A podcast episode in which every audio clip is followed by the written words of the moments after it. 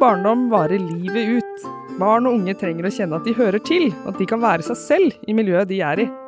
Dessverre opplever ikke alle det. Vi, Ombudet for barn og unge i Viken, jobber for en god barndom for alle. Hver dag hører vi om ulike utfordringer, og vi gir råd om hva som kan hjelpe. Ombudspodden er for deg som har barn, eller på en eller annen måte engasjerer deg for barn og ungdom. Her får du lære mer om barn og unges hverdag, i barnehage, skole, læreplass og på fritida. Vi byr på noen tips på veien. Kanskje blir du litt klokere. I dag så skal vi snakke om foreldreengasjement, hvordan man kan bruke det på gode måter for å skape gode foreldresamarbeid. Og med meg for å snakke om det, så har jeg Halil Joni, som er en engasjert eh, pappa og forelder. Og så er jeg med meg Bodil Haug, som er leder for Ombudet for barn og unge i Viken. Og jeg, jeg heter Hilde Enger Arntzen og er et av de andre ombudene for barn og unge i Viken. Og jeg vil spørre deg, Halil, aller først, eh, hva er grunnene til at du har engasjert deg som forelder, som pappa? Ja, altså Det er jo mange ulike grunner til det, tenker jeg. Først og fremst er at i, i kraft at jeg er pappa, og har barn som nå er på skolen, men også i og med at jeg også er uh, i yrket, i barnehagen, Mm. tenker jeg er, er, er noe av det på en måte, som engasjerer meg. Samtidig så har jeg uh, Jeg har en erfaring med, med min datter og, og hennes skole Mm. som har bidratt til at uh, jeg, jeg vil engasjere meg mer i det her, Ja, tenker jeg. Så fint. Vil du Ja. fortelle litt om den erfaringen? Ja visst. Um, det var Altså, min datter har um, hatt en del uh, utfordringer, og da har vi hatt uh, samtaler med skolen. Mm. Uh, vi har samtale, hatt samtaler med, med rektor og kontaktlærer, og det er noe vi fortsatt jobber med, Mm. og, og prøver å finne ut av sammen med dem. Ja. Uh, så det er på en måte det, det, det, er, det, er drivkraften min, at, uh, at uh, jeg vil at hun skal ha en god dag. Ja. Og kunne være på skolen og være seg selv. Mm. Mm. Det er jo en rettighet som alle barn og unge har. Mm. Mm. Så er det jo ikke alltid sånn. Nei, og jeg, og jeg ser det også og, og, på en måte i, i mitt daglige arbeid på, i barnehagen nå. Og jeg er helt sikker på at alle barnehagene altså Hvis du lager en, en undersøkelse rundt i barnehagene, så har alle eh, et sånt barn Mm. på avdelingen, eller vet om et sånt barn. Mm. Som jeg tenker er kjempeviktig å plukke opp. Ja. Og da, da Men da er det, det begrensa hvor mye barnehagen eller skolen eller læreren eller pedagogen kan gjøre. Det er da foreldrene må komme inn. Ikke sant? Og det er det jeg liker med nye paragrafen, eller nye kapitler i, barnehageloven. Mm. Den er så tydelig på foreldrenes at det skal være et samarbeid, Ja. og ikke et problem som verken barnehagen eller foreldrene skal bare fikse av seg selv. Ikke sant? Altså hvis du tenker over et barn, da, hvem er det som er ekspertene på det barnet? Mm. Hvem er det som kjenner det barnet best? Det er foreldre. Mm. Det er jo det. Og så er barnehagen og, og skolen den andre veldig store autoriteten Nemlig. i, barn og unges liv. Og så, og så kan du tenke deg at de to, de største aktørene i barnas liv, skal prøve å løse et problem hver for seg. At det, det henger ikke sammen. Nei. At, så vi må Det må være et, eh, et grunnlag for et samarbeid der. Og det grunnlaget tenker jeg er barnets eh, Hvis du kan si det på en sånn måte at uh, grunnlaget skal være barnets problemer, da. Mm. Eller utfordringer er kanskje et bedre begrep, Ikke sant? ikke sant? Ja. Og da må vi samarbeide om de utfordringene. For Det det barna barnet har rett til det, tenker Ja. jeg. Mm. Veldig enig med deg. Og det er jo ja, noe vi ser i vår rolle. Vil du fortelle litt, eh, Bodil, om hva du som eh, ja, mangeårig mobbeombud og nå som leder for ombudet i Viken ser at kjennetegner gode, altså godt foreldreengasjement som skaper gode foreldresamarbeid? Ja, det kan jeg gjøre. Og jeg syns jo det var veldig fint du fortalte denne historien, Halil, fordi eh, den viser jo nettopp det at alle disse historiene da, som vi får høre.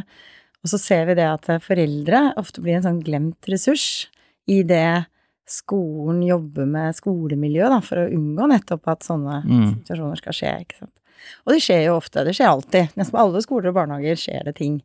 Og, og så er det å bruke den ressursen foreldre er, som, ikke bare som enkeltpersoner, men også som gruppe.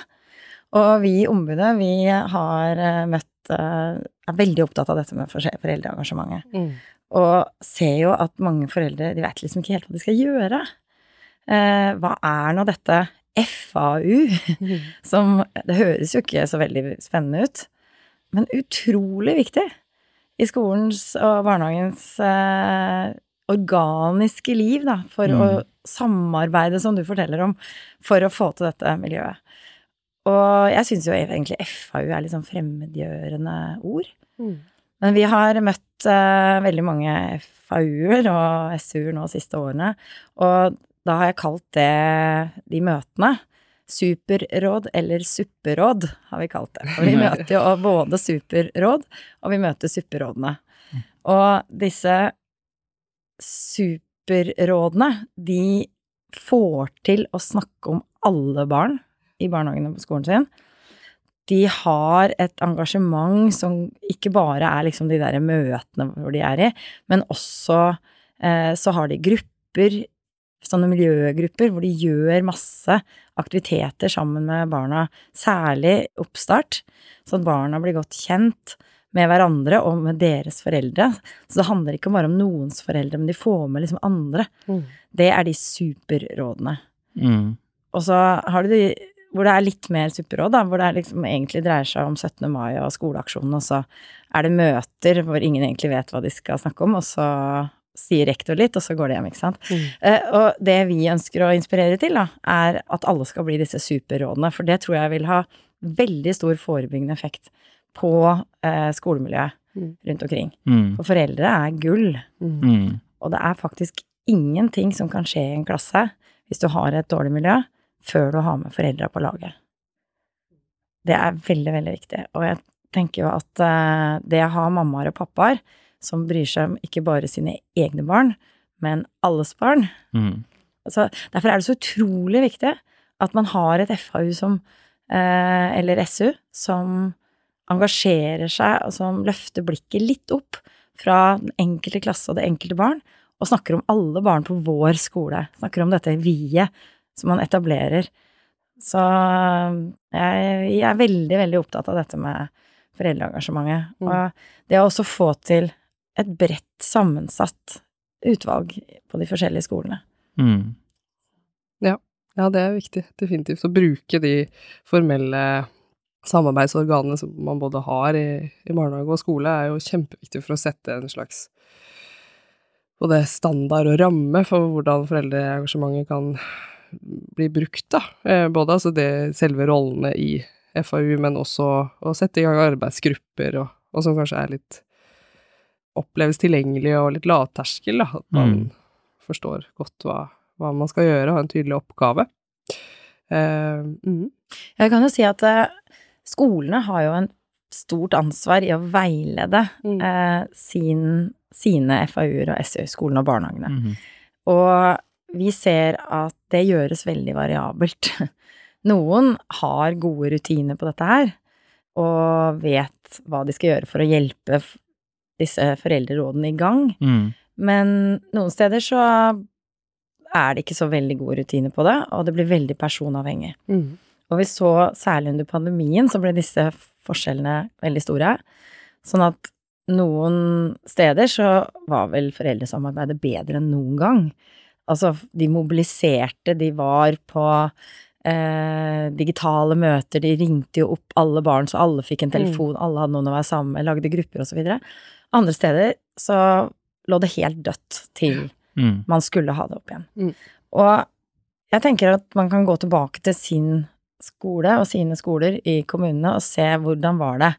Og det å prøve å lage felles rutiner, og det er søren meg skoleeiers ansvar, Mm. det òg. Mhm. Ja. Skoleeier har et stort ansvar i det som heter kommuneloven 25.1, til å lage noe som heter internkontrollsystem, som sikrer skolemiljøet.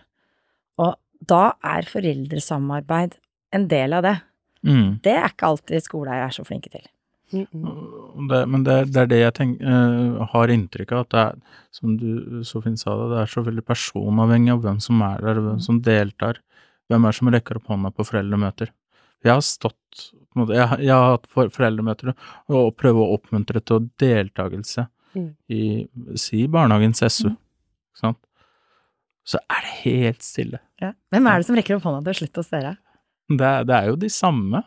Det er de samme de, de jeg opplever at jeg har fått en god kontakt med utenom det møtet. Mm. De som på en måte Som tør å møte blikket mitt på møtet. Mm. Sant? Men hva skal til, da, for å få til det? Hva tenker du skal til for å, for å liksom møte det blikket, da, og si ja, men jeg, her blir jeg med på. Hva tror du? Ufarliggjøre da, Ja. tror jeg. Og jeg også. Jeg har jo sittet på møte og tenkt er det, er det nå? Nei. Nei. Jeg venter. Jeg tar det neste år. Jeg har selv sittet og tenkt det. Mm. Ja. Fordi jeg, jeg sitter med en opplevelse at jeg har så mye med meg selv, ikke sant, med, med, med min jobb, og, og, og kona har sin jobb, og hun har, ikke sant, så ufarliggjøre hva det innebærer å være med i et FAU eller et SU, sant, og så prøve å også gå bort fra 17. mai-arrangeringen, eller, eh, eller eh, lage til en pølsebua som skal stå klar til 17. mai tidlig på morgenen. Mm. sant? Altså, jeg har ikke lyst til å stå i, i, i, i, pølsepod. Jeg har lyst til å bidra med noe viktig, noe som betyr noe. Ja. Men det er jo altså, Første gang vi møttes, Salil, det var jo på et foreldremøte. Ja. Og da eh, oppfatter jeg deg som en veldig positiv bidragsyter inn i f.eks. arbeidet med skolemiljø, da. Med hvordan du deltok på selve møtet. Men eh, det skjedde jo noe ganske magisk eh, på det møtet. Har du Ja. lyst til å fortelle om det? Om eh, Sindre? Ja. Ja. Um, jeg satt uh, på første rad sammen med en, en medpappa, som jeg uh, tilfeldigvis kjenner fra før av. Uh, vi går langt tilbake, fra ungdomsskolen. Og så Jeg lurer på om vi begynte å nærme oss slutten. Mm. Jeg husker ikke helt. Det var i hvert fall Han, han eh, rekker opp hånda, og så forteller han en historie som tok meg veldig på senga. Meg også. Ja. Og alle andre, tror jeg. Ja, og jeg kjente at eh, jeg blei litt rød i toppen.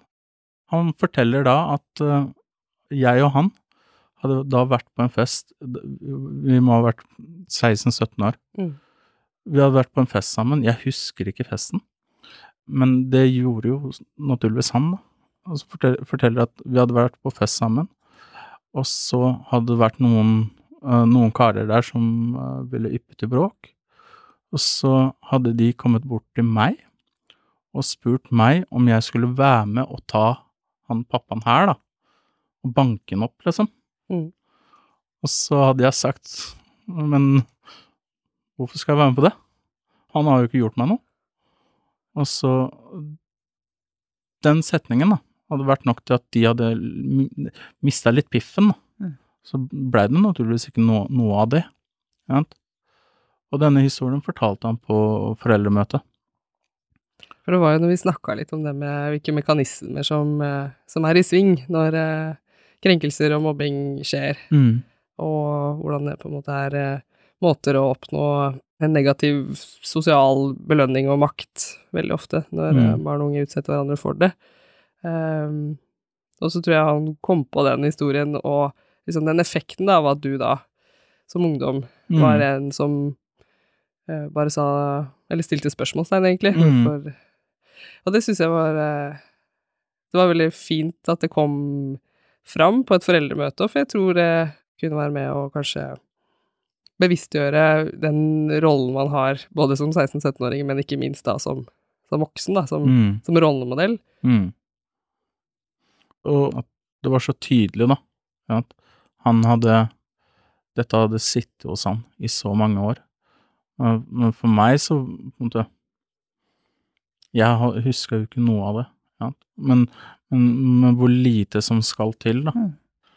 Da tenker jeg at det å være foreldre å engasjere seg i skolen, betyr jo ikke at du må sitte i FAU heller, Nei. men det betyr at du støtter opp under det arbeidet FAU har. Mm.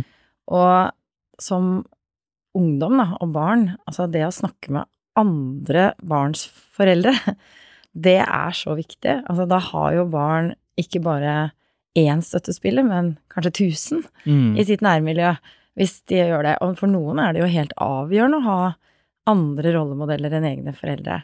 Ja.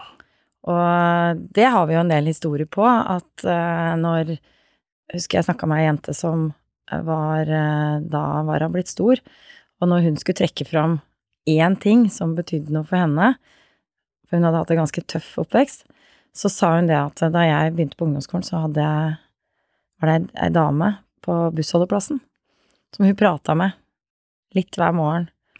Og det var sånn, hun sa det sånn Hun var sånn fin dame, sa hun. Og så ble hun sånn glad i ansiktet når hun fortalte om det.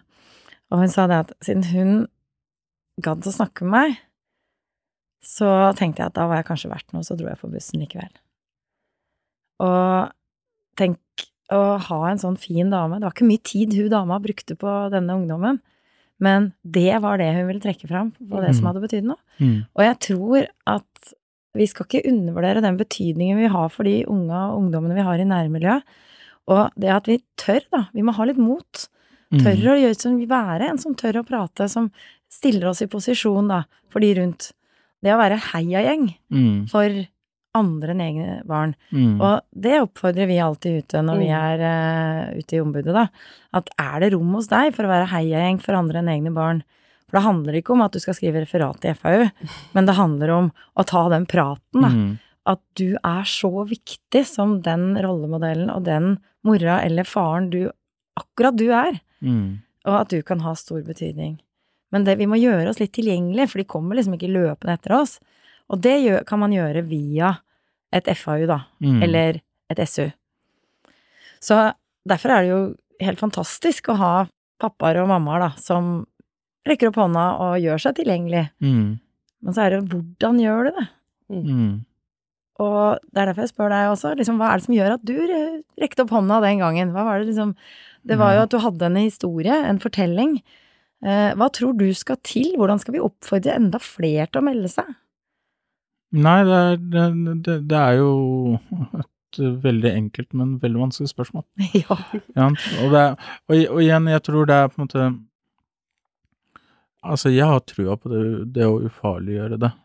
At uh, det handler så mye mer om uh, Mye mer enn pølsekoking, Mm. Eh, Men det, vi kan vel si at det trengs det òg. Det er vel helt fint hvis man har lyst til å gjøre det også. Ja, ja, helt klart. Eh, det trengs. Det finnes, ja, det trengs. Alt Mm. mulig. Ja. Men for meg, for meg personlig så kjenner jeg at den Jeg er så mye mer enn det. Mm. Jeg kan Fordi jeg har en ganske rik bakgrunn. Eh, Jeg har opplevd mye gjennom oppveksten. Jeg har kommet fra, som barn fra Kosovo. Opplevd krig, opplevd flukt. Mm. Bruk uh, den kunnskapen jeg har, Mm. til noe nyttig for skolen eller for barnehagen. Mm. Ja, for da er jo vi over på noe som vi er veldig opptatt av, for vi ser jo at uh, sammensetningen i disse rådene, Mm. FAU-ene, den er jo ganske smal. Og hvordan vi skal få til å få flere pappaer med, hvordan vi skal få flere minoritetsnorske med. Mm. Eh, vi trenger rollemodeller, sånn som deg, da. Hvordan skal vi lokke de til å bidra mer? Fordi jeg tror nok det er, det er, Og vi trenger jo den stemmen så veldig Mm. eh, som rollemodeller inn. Hvordan skal vi senke terskelen for de gruppene til å delta i dette arbeidet? Ja, det veit jeg ikke om jeg har noe godt svar til deg på. Det, Du er jo et god rollemodell, altså flere, flere av deg. flere av ja, meg. Vi kan jo eh, håpe det at det er mange foreldre som hører dette, da. Ja. som Ja, kanskje tenker hm, ja, Ja. kanskje jeg kan rekke opp i den hånda neste gang. Ja. Uh, fordi Og jeg tror også litt på dette med Altså lett tilgjengelig informasjon da, om hva dette er for noe. Um, så der kan jeg reklamere litt kjapt, da, for at vi har jo samarbeid med FUB og FUG. Mm. Utarbeida noen samtaleplakater, eksempel. som gjør det at det å ytre seg, komme med sin mening på et foreldremøte, kan bli ganske mye lettere, da. For veldig ofte så har man jo lagt opp disse foreldremøtene hvor det blir valgt SU eller FAU på en måte der hvor det er ganske lett at man bare reproduserer hvem som som regel pleier å rekke opp den hånda. Mm. Um, men da med å ha et verktøy som er da en plakat som man legger på et bord, og så snakker man seg gjennom ulike temaer, f.eks. hvordan voksne kan bidra i arbeidet med barnehagemiljø eller skolemiljø, så tenker jeg at det, det at man opplever at eh, det er interesse for dine erfaringer, dine eh, tanker og meninger, vil Mm. også på en måte fòre det engasjementet, da. Eh, sånn at det blir lettere også å stille inn i de eh, formelle vervene, da. Mm. Det tror jeg. Ja. Jo, jeg tenkte jeg bare skulle dra fram noe så alvorlig som eh, barnekonvensjonen her, jeg. fordi artikkel 12, den eh, sier noe om barn og unges rett til å bli hørt. Og det har jo skolen et ansvar for, at barn og unge skal bli hørt i mange sammenhenger. Men der kan også foreldre og FAU være med og bidra til det. Det har vi sett gjennom en del eh, eksempler.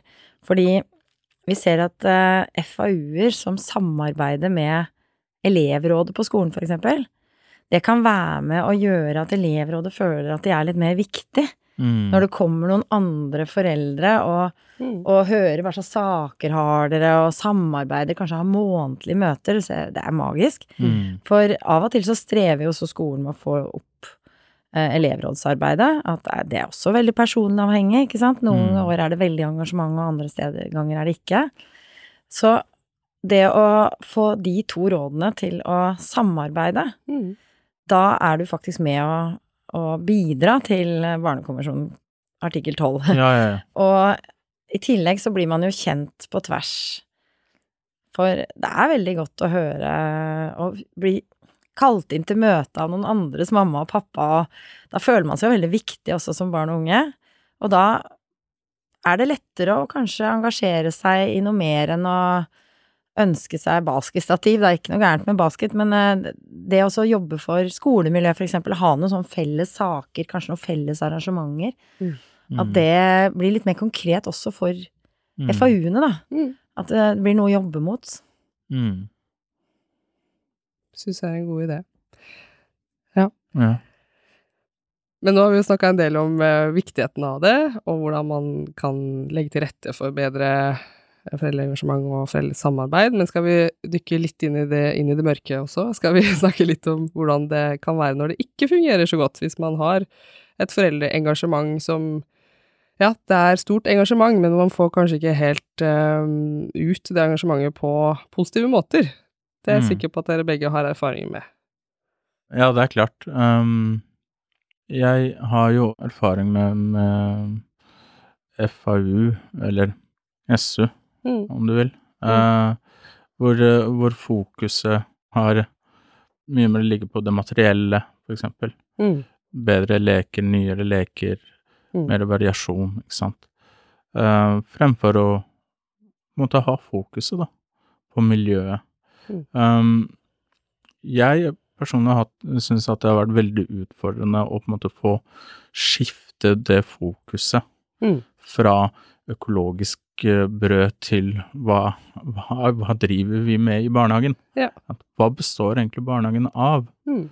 Det, det består mer enn en økologisk brød Ja. og sukkerfri bursdagsfeiring. Mm. Og så er det eh, Tanken er at det er inn, sånn som jeg opplever det, det er man skal på en måte redusere sukkerinntak, eksempel i bursdagsfeiring, da. Mhm. At man skal redusere sukkerinntak, og man skal ikke feire bursdagen, det holder med en krone. Og så stiller jeg spørsmål, men hva med det ene barnet, da? Som ikke får bursdagskake hjemme. Mhm. Hvem er det som skal feire det ene barnet? Og nå snakker jeg ut ifra barnehageperspektiv, da. Sett i lys av mandatet vi i barnehagene har. Vi skal være sosialt utjevnende. Det er, det er primært vår primæroppgave. Sant? Og hvis du da kutter ut bursdagsfeiring fordi vi skal være så innmari sunne, og det er ikke noe galt i det å være sunn, Nei. men kutter ut den bursdagskaken, da, Mm. så får du det ene barnet som ikke får bursdagskake hjemme. Mm. Som det før hadde fått i barnehagen. Da tenker jeg at da har vi feila i vår, i vår oppgave. Da har vi svikta Mm. vårt mandat. Og det kjenner jeg, det er en stor utfordring. Mm. Ja. Å, å skifte det fokuset fra det sukkerfrie økologiske, som et eksempel, da. Ja, for jeg kan følge opp det til en annen sak når du snakker om bursdag, for det er ofte en stor diskusjon både i barnehage og skole, og løfte det litt opp og etterpå, fordi eh, et eksempel som vi var inne for noen år siden, det handla om bursdag, det òg. Veldig mange barnehager og skoler har laget ordninger hvor det er fire bursdager i året, og så feirer man sammen de som er født på våren, de som er født på høsten og sånn. Og så skulle barnet som hadde bursdag få 300 kroner av sine foreldre, for da får alle likt. Mm. Ikke sant? Og det høres jo veldig fint ut. Da får alle bursdagsfeiring, og alle får den samme gaven. Og so far, so good. Og dette her bestemte da SUFAU på de respektive. Men så, på noen eh, skoler, så ble det dannet såkalt små subgrupper av foreldre som begynte å bli litt uenige i dette her Mm. og lagde sine egne sånn underarrangementer, og bare noen ble Så de undergravde på en måte systemet. Og det har de full rett til å gjøre. Og det er en sånn fare, da, med Hvis FAU blir en sånn eh, regelmaskin, hvor man skal lage regler for hvordan ting skal være på ting som jo er foreldres rett til å bestemme over, ikke sant. Som for eksempel sukker, da, eller eh, om hva slags kake man skal ha, eller, eller eh, klær, eller sånne ting. Mhm. Eller hvor, når man skal inn på sosiale medier. Det er også en sånn brennbar oh, ja. eh, tema. Tidsbruk i gaming. Og ja, tidsbruk, og ikke minst når man skal få lov å begynne på sosiale medier, ikke sant. Eh, Og faren med å lage sånne regler, for det, det, det kan jo være bra ment, intensjonen er god, men det undergraves jo ganske fort, og, og så er det knyttet til veldig skam hvis man, noen da finner ut at du ikke følger reglene. Og det vil det alltid være, ikke sant. Mm. Og da undergraver man jo regelen og systemet som helhet. Så vårt råd da, som ombud til råd og foreninger på, som har med barn å gjøre, er kanskje ikke å lage regler, men å løfte diskusjonen. Ja. Fordi at eh, Så man lager grupper hvor man snakker sammen om ting Mm. uten å skamliggjøre det. For da blir det jo rom for flere til å engasjere seg. Da tør man kanskje å ha en stemme. Mm. Hvis man kjenner at man blir skamliggjort, og at noen stemme blir viktigere enn andre. Mm. Og det er jo her FAU er så innmari viktig, for de skal løfte alle stemme inn, Mm. eh, og ikke den som snakker høyest. Mm. Og det ser vi jo i noen foreldregrupper når du snakker om de som hvor det går gærent, Mm. er jo at noen stemmer får lov å være viktigere enn andre, og noen snakker jo med store bokstaver. Og det lages også en del Facebook-grupper internt, Mm. hvor det snakkes om ting som handler om enkeltpersoner, Mm. og som er veldig uheldige. Mm. Og da sier jo ikke vi at vi ikke anbefaler å ha Facebook-gruppe, men vi anbefaler at noen eh, At man lager noen regler for hva man skal skrive der, og at noen er med og regulerer, Mm. sånn at vi vet når det blir vanskelig. Så vi har veldig litt sans for ikke så mye regler, men å løfte diskusjoner, Mm. sånn at man ikke liksom prøver å bestemme over andre på ting som man ikke skal bestemme over, da. Mm. Mm. Men, men jeg, jeg syns jo Altså, jeg, jeg Kall meg gjerne naiv, men jeg blir jo litt satt ut, Ja. liksom. Eh, når det er eh, voksne mennesker som bidrar til eh, disse subgruppene som du beskriver. Mm. Sant? Og, og utestenge andre. Mm. Jeg, jeg klarer ikke å forstå det. Nei. Og det er jo en del av de henvendelsene vi får, så, så bærer du litt preg av, av litt det, da. At man Sikkert at det var det du sa nå, men at man som barnehage eller skole da har følt at åh, nå har jeg fått hele foreldregruppa mot meg. Eh, og at man både kjenner på en slags avmakt og litt sånn engstelse, litt redder, og samtidig at man liksom Ja, hva er feil med de? Liksom, hvorfor kan de ikke bare oppføre seg som voksne? Eh, de er jo rollemodeller, har de glemt det? Og på andre sida, da, så kan jo vi da snakke med foreldre som har en opplevelse av at barnehagen eller skolen ikke tar deres eh, problemer eller bekymringer på alvor, at de føler at det skjer jo ingenting, hva er det de driver med, Mm. at man liksom på hver sin side, da. At det blir ganske sånn steile fronter, da, når det i utgangspunktet kanskje er et At det er masse engasjement i, et, i en eh, i foreldregruppa, men det blir brukt eh, på en måte som er vanskelig for barnehagen og skole å, å håndtere, da. Og ja, hva tenker dere er eh, løsningene på når vi havner der? Når alle syns at alle er litt ubrukelige? Ja. Eh, ja ehm, FAU, et godt FAU er løsningen på alt, egentlig. Ja. det tenker jeg òg. Da er vi enige om det. Ja. Som forebyggende instans så er den unik. Ja. Så har man et godt sammensatt FAU som har samarbeida godt fra første stund i skoleåret, så er det en instans som er helt unik for en rektor og en skole å jobbe med. For da har man en sparringspartner som er en kulturbærer inn i foreldremøtet og er med uh, og foreldregruppa og regulerer på en måte de andre. Og så tror jo vi at i alle samfunn så fins jo de der.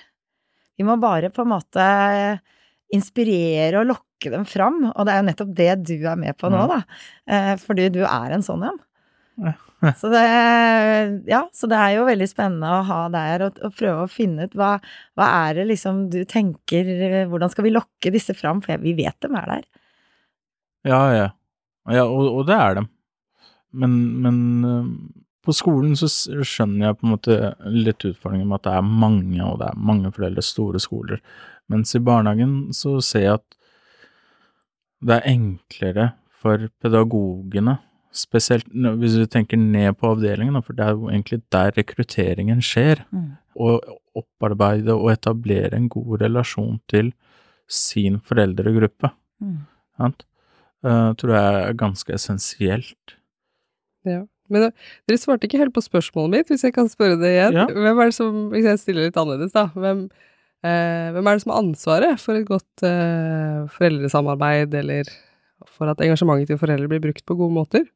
Altså ansvaret, Mm. det er jo eier. Mm. Altså barnehage- og skoleeier. Ja. Det er på en måte det offisielle ansvaret. Mm.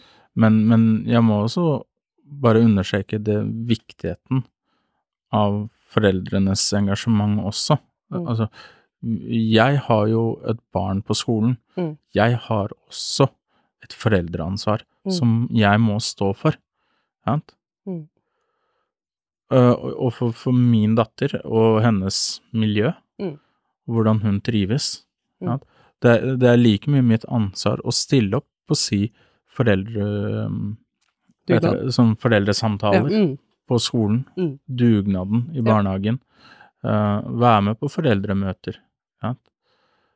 Så det er helt klart, uh, det offisielle ansvaret ligger jo hos, hos eier. Mm. Men det delte uoffisielle ansvaret, det tenker jeg at uh, der har foreldrene mye. Mm. Ikke sant, fordi barnehagen eller skolen får, ikke, får det ikke til uten foreldrenes eh, engasjement eller hjelp. Da får man ikke til et godt og trygt barnehagemiljø eller skolemiljø. Man er jo helt avhengig av hverandre på den måten, men jeg, ja, jeg tenker litt på det med, med hvem som er profesjonell og ikke, da, i, Mm. i de rollene. Eh, jeg vil si noe om det, Bodil. Ja, altså, sånn som du sier, skoleeier har et kjempestort ansvar. Eh, Både kommuneloven og opplæringsloven sier noe helt konkret om det. De har ansvar for å veilede og legge til rette for, ikke sant. Og så er det jo hver og enkelt foreldres ansvar for å faktisk bidra. Og det handler jo om når det går bra, å bidra på de positive tingene, rekke opp hånda når det blir spurt etter folk, ikke sant men også å øve på å snakke når det er om vanskelige ting. Mm. Mm. Når det, samtalen blir vanskelig, for det blir det i løpet av et langt skoleliv, så kommer det til å være vanskelige samtaler. Mm. Det kommer til å, å skje at noen har gjort noe mot barnet ditt. Det kommer til å skje at barnet ditt har vært med på å gjøre noe mot andre. Mm. Eh, de har ikke fått til det de trodde de skulle få til. Uro i klasser, altså alle disse tingene. Det kommer til å skje i løpet av et barneliv. Og da er det viktig å ha øvd litt på å snakke om det. Mm. Og da er det skolens ansvar for å lage strukturer. Og så kan foreldra, da, og særlig gjennom FAU, også øve på å Også disse samtalene. Og sørge for at alle får være med på det. For noen trenger det litt mer enn andre, ikke sant? Mm. Fordi da er vi inne i kjernen. Fordi at uh, vi ser jo det at eh, polarisering og deling i skolemiljø og kulturer, det handler jo om når de voksne ikke har klart å snakke sammen. Mm. Og det å snakke om vanskelige ting, og holde samtalen på voksennivå, Mm. og ikke snakke med unga sine om det, men snakke med de andre. Mm. Dette er vanskelige ting, men dette har til syvende og sist om noe så vakkert som demokrati å gjøre. Mm. For det, det er jo det vi skal. Mm. Og vi ser at barna, de er litt utrent i å snakke sammen. De snakker sammen som litt sånn statements for tiden. Eh, Vi har jo møtt veldig mange barn og unge. De er liksom spiller pingpong, bare at de bare server. Og hvem skal trene dem i det, hvis ikke vi voksne er med på det? Og det kan alle foreldre være med på. Mm. Ved å bidra til, spørre, være nysgjerrig. Mm. Da er du med som engasjert forelder. Jeg har eh, en, en historie på, på det engasjementet, da. Jeg har jo en bestevenn. Eh, vi har vært bestevenn siden de første to-tre ukene i, på ungdomsskolen. Mhm.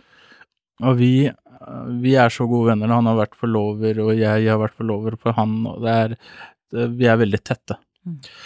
Men første ukene på ungdomsskolen så var vi altså eh, Vi var hverandres verste fiende. Mm.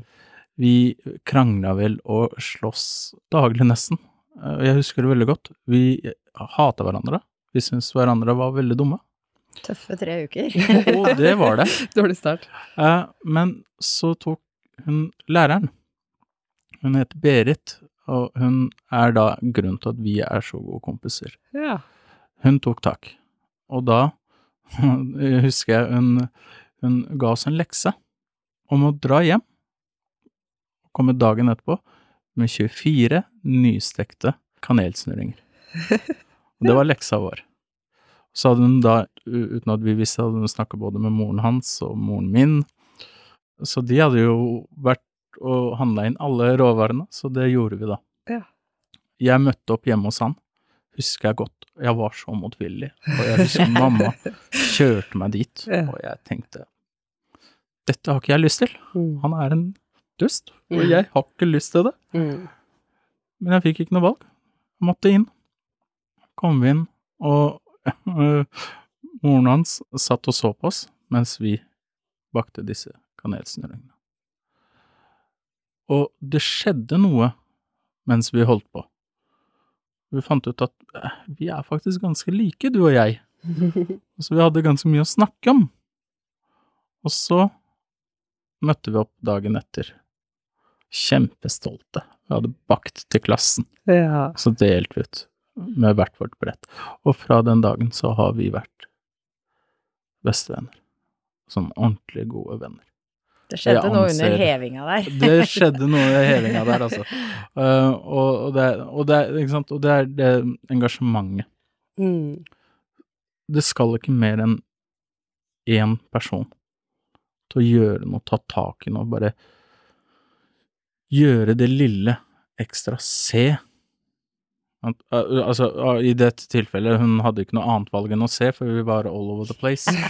Uh, så jeg syns synd på henne. Men jeg har i ettertid møtt uh, læreren min, og jeg har takka henne inderlig for det grepet hun gjorde. To For det- kloke mammaer òg, eller? Å ja. ja, fordi dette hadde jo ikke gått til hvis ikke mammaene deres var med. Nei, det hadde ikke Hvis ikke hadde de hadde gjort, hatt troa altså. på Berit sine kloke forslag, så hadde mm. ikke dette skjedd. Og en modig, modige mammaer. Oh, ja. Som uh, tenkte at vet du hva, her uh, er det ikke bare min sønn som er uh, offer, men min sønn er også med og utsatte deg da, for å måtte bort til han. Nemlig. Mm. Det krever mot, det, både, og for den andre mammaen som tar imot slåsskampmotstanderen til sønnen sin. Her er det mye foreldreengasjement. Det er det.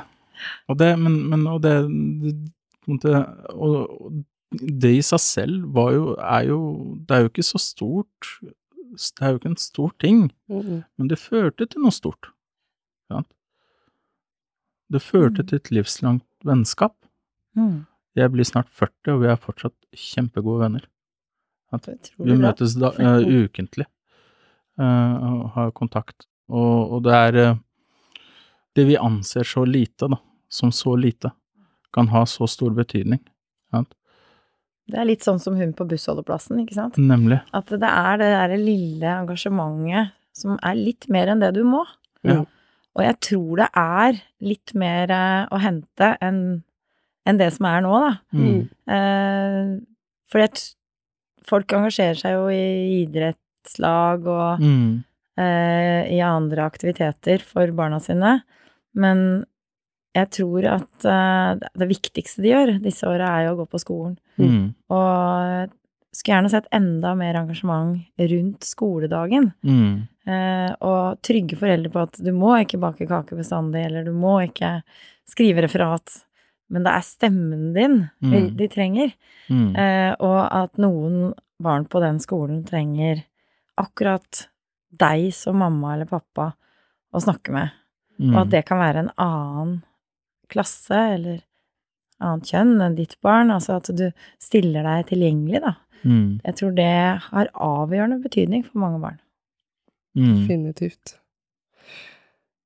Og nå har jo dere gitt ganske mange gode råd om ja, motiverende råd til foreldre om hvorfor det er bra å engasjere dere. Har dere også noen råd til, eh, til lærere, eh, både barnehagelærere og lærere i skolen, om eh, ja, hvordan kan de legge til rette, hvordan kan de forstå foreldre på en måte som gjør at de ja, ser at jeg trengs, jeg kan gjøre en positiv forskjell på det små og store ting.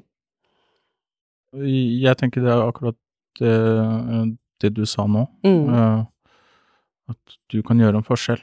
Ja. Den profesjonelle parten Mm. anerkjenner viktigheten av foreldrenes nærvær og samarbeid. Ja. Tror jeg er så viktig. Mm. Du har vært inne på så mange ganger, Bodil, og det å legge til rette for at eh, det trinnet, den terskelen, ikke blir så høy. Ja. Det tror jeg er viktig. Fordi det er Foreldrene er jo de som sitter med førstehåndskunnskap om sine barn. Mm. Og da å, å legge til rette for at den stemmen blir hørt og anerkjent og Mm. blir tatt på alvor. Og nå har vi et lovverk som er veldig tydelig, men allikevel ja, Terskelen for, for en mamma eller en pappa å komme til eh, læreren eller sende den mailen om at 'mitt barn har det ikke trygt og godt'. For noen er den veldig lav, for andre er veldig høy, og da tenker jeg primært um, minoritetsspråklige. For det er mange barrierer, språkbarrierer, eh, som den viktigste og enkleste. Mm. Og på en måte å vite hvem man skal henvende seg til, osv., osv. Og tilgjengeliggjøre kanaler ut til oss Mm. som profesjonelle, Mm. tenker jeg er kjempeviktig. Det er Ikke sant? Ja, og FUB, som jeg nevnte i stad, gjorde jo en foreldreundersøkelse i fjor om det med om man har fått informasjon om eh, rettighetene i kapittel 8 og barnehagemiljø. Og da må man gjerne gå inn og lese en rapport, men det, er- ja, det er ganske Ja. tydelig at eh, barnehagen og skolen ofte har Det mangler litt på det med å, å gi informasjon på må- og sikre at man har faktisk forstått den informasjonen som har blitt sendt ut. Da. Mm. Hvordan leverer man, hvordan kommuniserer man ut Mm. denne informasjonen. Mm. Har du noen råd, på Bodil? Ja, eh, det å slippe foreldra til, eh, tenker jeg. Og det krever jo litt mot fra lærerne også. Mm. Fordi det er jo ikke alltid du kjenner foreldra så godt, og du veit liksom ikke helt hva som kan komme. Eh, Men eh, jeg tenker jo det at eh, det å ha gode rutiner for samarbeidet, det å snakke om ikke sånne svære ting bestandig, men disse sånn hvordan snakker vi sammen? Ha enkle, praktiske ting man eh, løfter opp, ikke bare elevundersøkelsen eller sånne store ting, men også og kakebaking og TV-aksjonen, men sånn rett og slett samvær, bygge relasjon. Mm. Og egentlig ha det med å bygge relasjon til hverandre som det viktigste du gjør i løpet av et, eh, et år. Mm. Jeg tror det er veldig viktig. Og så sørge for at elevråd og FAU samarbeider jevnlig, at legge til rette for det. For da bidrar du til å løfte begge de to organene inn i skolens arbeid med skolemiljø. Mm. Og da får lærerne gode bidragsytere av de som har skoa på. Mm. Og bedre kan det jo ikke bli. Ja, ja. Du fortalte jo om læreren som tok eh, initiativ til dette møtet da, mellom eh, disse, deg og kompisen din, som gjorde at dere ble venner for livet. Mm. Har du noen tips til foreldre? Kunne de gjort noe sånt seg imellom? Hva tror du? Helt klart. Helt klart. Men, men, men det betyr at da må man på en måte være litt våken for det òg. Vite hvordan relasjonene til mitt barn er, da, i forhold til de andre barna. Og da plukke opp. Dette er altså Vi har en stor innvirkning. Vi kan legge til rette for ulike møtearenaer blant barn. Og hvis jeg vet at mitt barn har en ikke så god relasjon med det enkelte barnet der borte, så det, ligger det like mye på mine skuldre som på skolen, så rett opp i det. Og da kan det gjøres så enkelt som en ettermiddagsaktivitet. Kanelsnurr. Kanelsnurr, Ja, det fungerte for eksempel. helt ypperlig. Skal vi kalle det kanelsnurrmetoden?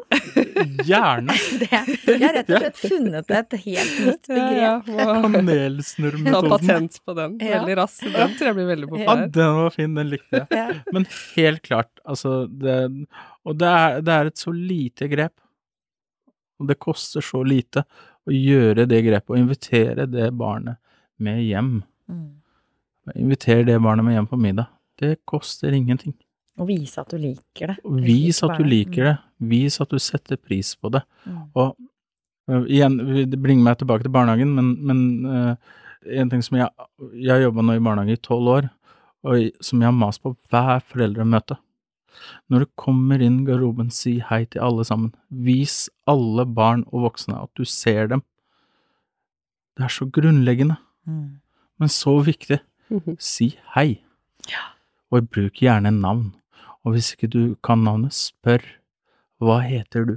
Mm. Det er det første barn spør når man kommer inn i en ny barnehage eller et nytt Mm. rom. Hva heter du? Det er en grunn til det. En som jobba i SFO, som, eh, som jeg møtte, han delte foreldre inn i ener- og toerforeldre. Du har liksom enere, de kommer inn, og så sier de hei til den som er nærmest barnet, altså den voksne, og så rydder de hylla, alltid veldig ryddig i den hylla der. Og så går de hjem, det er ganske effektivt.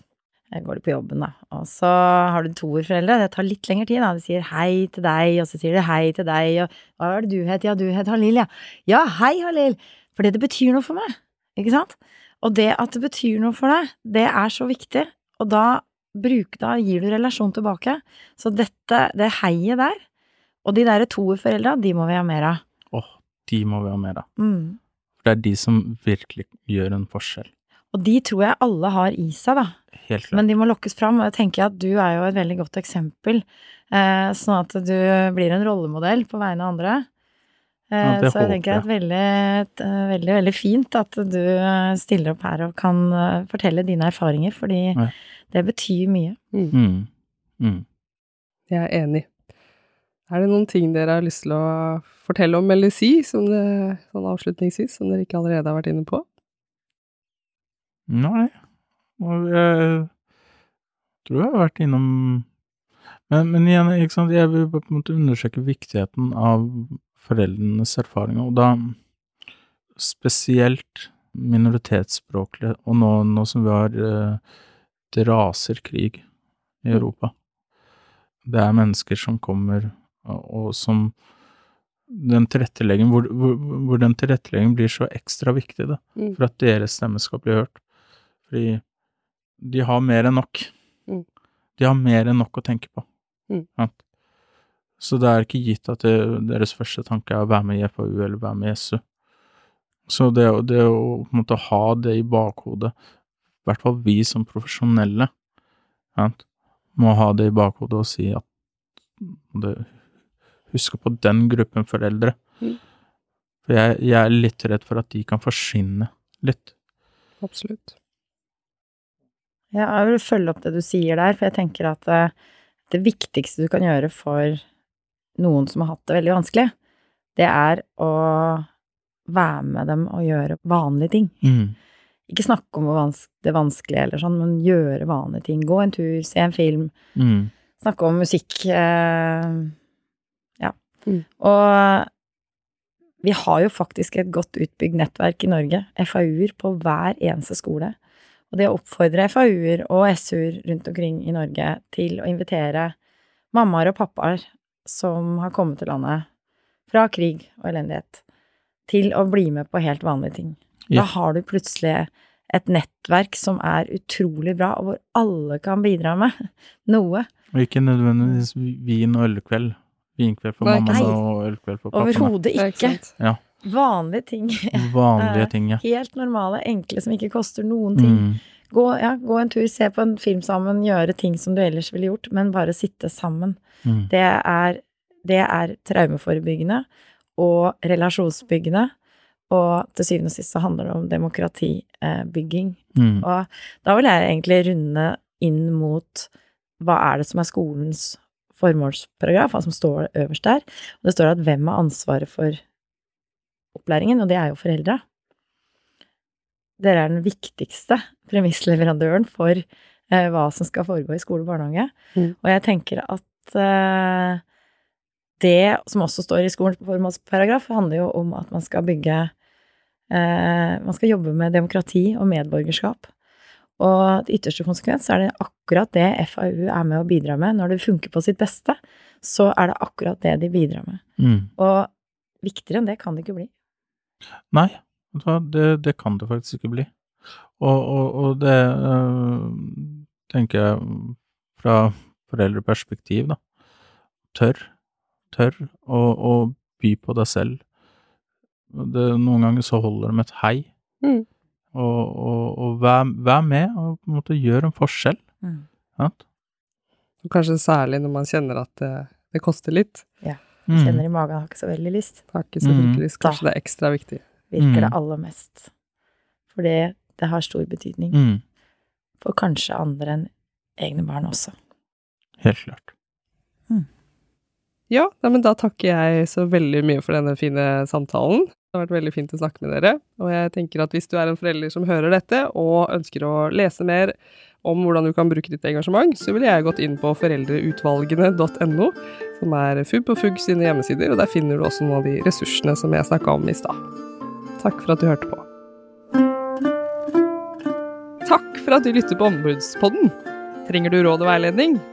Vi er et lavterskeltilbud med taushetsplikt. Alle som ønsker å ta kontakt med oss, kan gjøre det. Du finner kontaktinformasjonen og relevante lenker i episodebeskrivelsen direkte i podkastappen din. Vi er her for deg.